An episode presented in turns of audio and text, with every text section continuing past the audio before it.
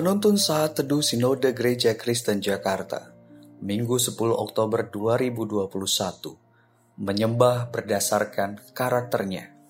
Dari Mazmur 50 ayat 1 sampai 6. Mazmur Asaf. Yang Maha Kuasa Tuhan Allah berfirman dan memanggil bumi dari terbitnya matahari sampai kepada terbenamnya. Dari Sion puncak keindahan Allah tampil bersinar Allah kita datang dan tidak akan berdiam diri. Di hadapannya api menjilat, sekelilingnya bertiup badai yang dahsyat. Ia berseru kepada langit di atas dan kepada bumi untuk mengadili umatnya. Bawalah kemari orang-orang yang kukasihi, yang mengikat perjanjian dengan aku berdasarkan korban sembelihan. Langit memberitakan keadilannya, sebab Allah sendirilah hakim. Seorang hamba Tuhan pernah berkata, Gereja masa kini lebih sering menekankan pada karakter Allah yang penuh kasih, penerimaan, pertolongan, penyertaan dalam waktu kesesakan. Tidak salah, namun itu hanya sebagian dari karakter Allah. Jarang sekali mengekspos karakter kemahakuasaan Allah yang berkaitan dengan penghakiman dan keadilannya atas umatnya yang berlaku munafik. Karakter yang demikian kurang mendapat perhatian.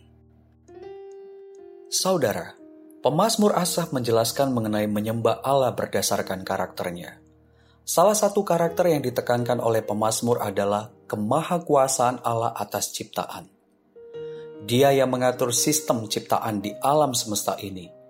Dia adalah Allah yang membuat semua jenis binatang yang dikurbankan menjadi persembahan di hadapannya. Pemazmur menegaskan kemahakuasaan Allah atas ciptaan ini untuk menegur keangkuhan hati, kemunafikan umatnya. Mereka merasa berkuasa untuk menyenangkan Allah dengan segala kurban binatang yang mereka persembahkan kepadanya. Mereka merasa berkuasa untuk menutup mulut Allah dengan cara memberikan banyak kurban, supaya dia tidak menegur keras kejahatan mereka. Pemasmur juga menekankan kemahakuasaan Allah atas umatnya – Allah tidak segan-segan untuk mengadili dan menghakimi umatnya sendiri. Mereka hanya bangga menyembah Allah di penampilan luar, namun hati mereka tidak hormat kepadanya. Allah berkuasa untuk melucuti kepalsuan penyembahan mereka. Dia tidak tinggal diam, bahkan dia mengizinkan mereka terbuang dari hadapannya jika mereka tidak segera bertobat dari keangkuhan kemunafikannya. Saudara, kita harus menyembah Allah berdasarkan karakternya. Bukan hanya kasih, pertolongan, penyertaannya, namun juga kemahakuasaannya. Allah berkuasa atas ciptaannya. Segala hal yang kita persembahkan kepadanya itu berasal dari Allah. Ingat bahwa uang, rumah, gedung gereja, perhiasan yang kita miliki adalah milik Allah. Tatkala kita mempersembahkan hal-hal itu kepadanya bukan untuk menyuapnya, supaya dia tidak menegur keras dosa-dosa kita. Melainkan karena kita menyadari akan kemahakuasaannya atas segala sesuatu yang kita miliki. Allah berkuasa atas diri kita. Dia berkuasa untuk membongkar kepalsuan penyembahan kita kepadanya. Jika kita terus angku, munafik di hadapannya, maka keadilan dan penghakimannya juga berlaku atas kita.